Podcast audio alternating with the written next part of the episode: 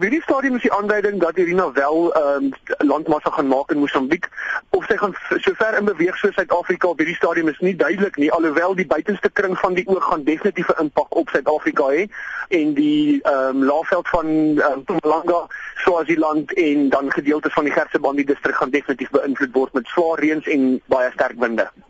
Tot wanneer dink julle sal hierdie toestande aanhou van hierdie swaar reën?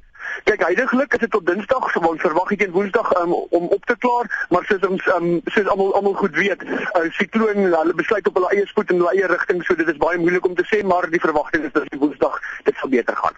Is daar al enige voorsorgmaatreëls deur julle getref?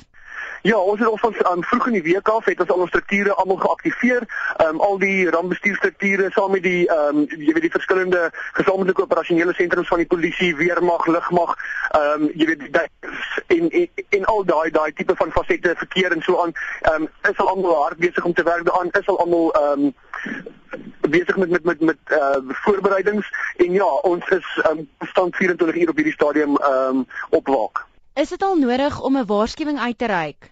Op hierdie stadium het ons 'n ehm 'n sorg waarskuwing uitgestuur na die na die publiek toe deur die departement van koöperatiewe dienste ehm um, en en en regering. Ons ons soos ek sê ons is 24 uur aan aan diens en daar daar is 'n moontlikheid dat daar moontlike areas mag moet geëvakueer word. So veral mense in lae liggende areas moet baie versigtig wees want ons verwag baie baie reën.